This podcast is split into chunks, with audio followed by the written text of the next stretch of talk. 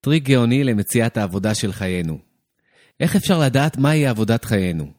מה באמת באנו לעשות כאן? הנה דרך פרדוקסלית ולא שגרתית לגלות את זה. The work you do while you procrastinate is probably the work you should be doing for the rest of your life. ג'סיקה היש או משהו כזה. אהבתי את הציטוט הזה, כי הוא מכיל אמת פרדוקסלית, ומשום מה, אני כל פעם מחדש מגלה את הפרדוקס שבאמת. כל פעם שאני מגלה איזה אמת לגבי החיים, האמת הזאת הולכת נגד כיוון החשיבה הרגיל.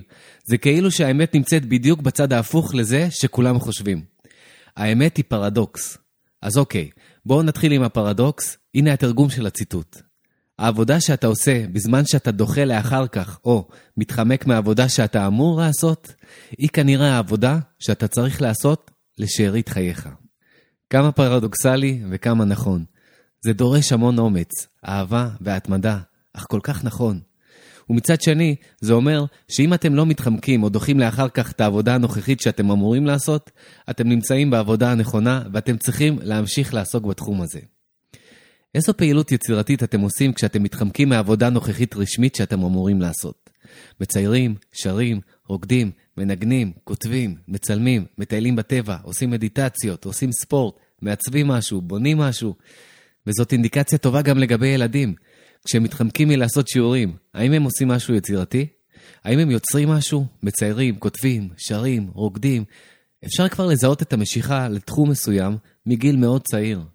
כשהייתי נער, בכל פעם שהתחמקתי משיעורים או התכוננות למבחן, ברחתי לנגינה בגיטרה, לכתיבת שירים במנגינות, לקריאת ספרים בכתיבה. זה היה המפלט שלי מהשעמום הנוראי של שינון תאריכים היסטוריים שלא מעניינים אף אחד חוץ מהמורה, וגם לגבי זה אני לא בטוח. יובל המבולבל סיפר שאימא שלו הייתה תופרת לו בובות יד כדי שיוכל לעשות הצגות לילדים בהפסקות. בכל מקום שהוא היה, הוא הצחיק ועשה הצגות. זאת ההתחמקות הפרטית שלו, וזה המקצוע שלו היום.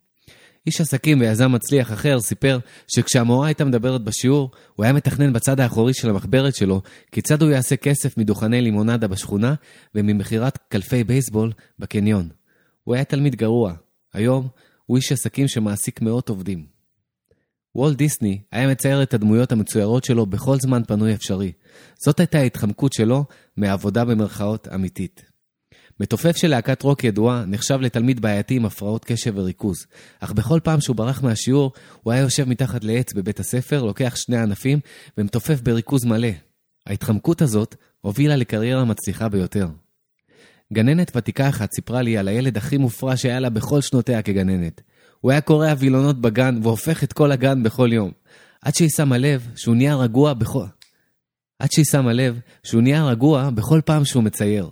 היא המליצה להורים שלו לשלוח אותו לחוג ציור, והיום הוא עובד בציור ועיצוב גרפי, ויש לו לדבריה עבודות מהממות שהוא שולח אליה מדי פעם באימייל.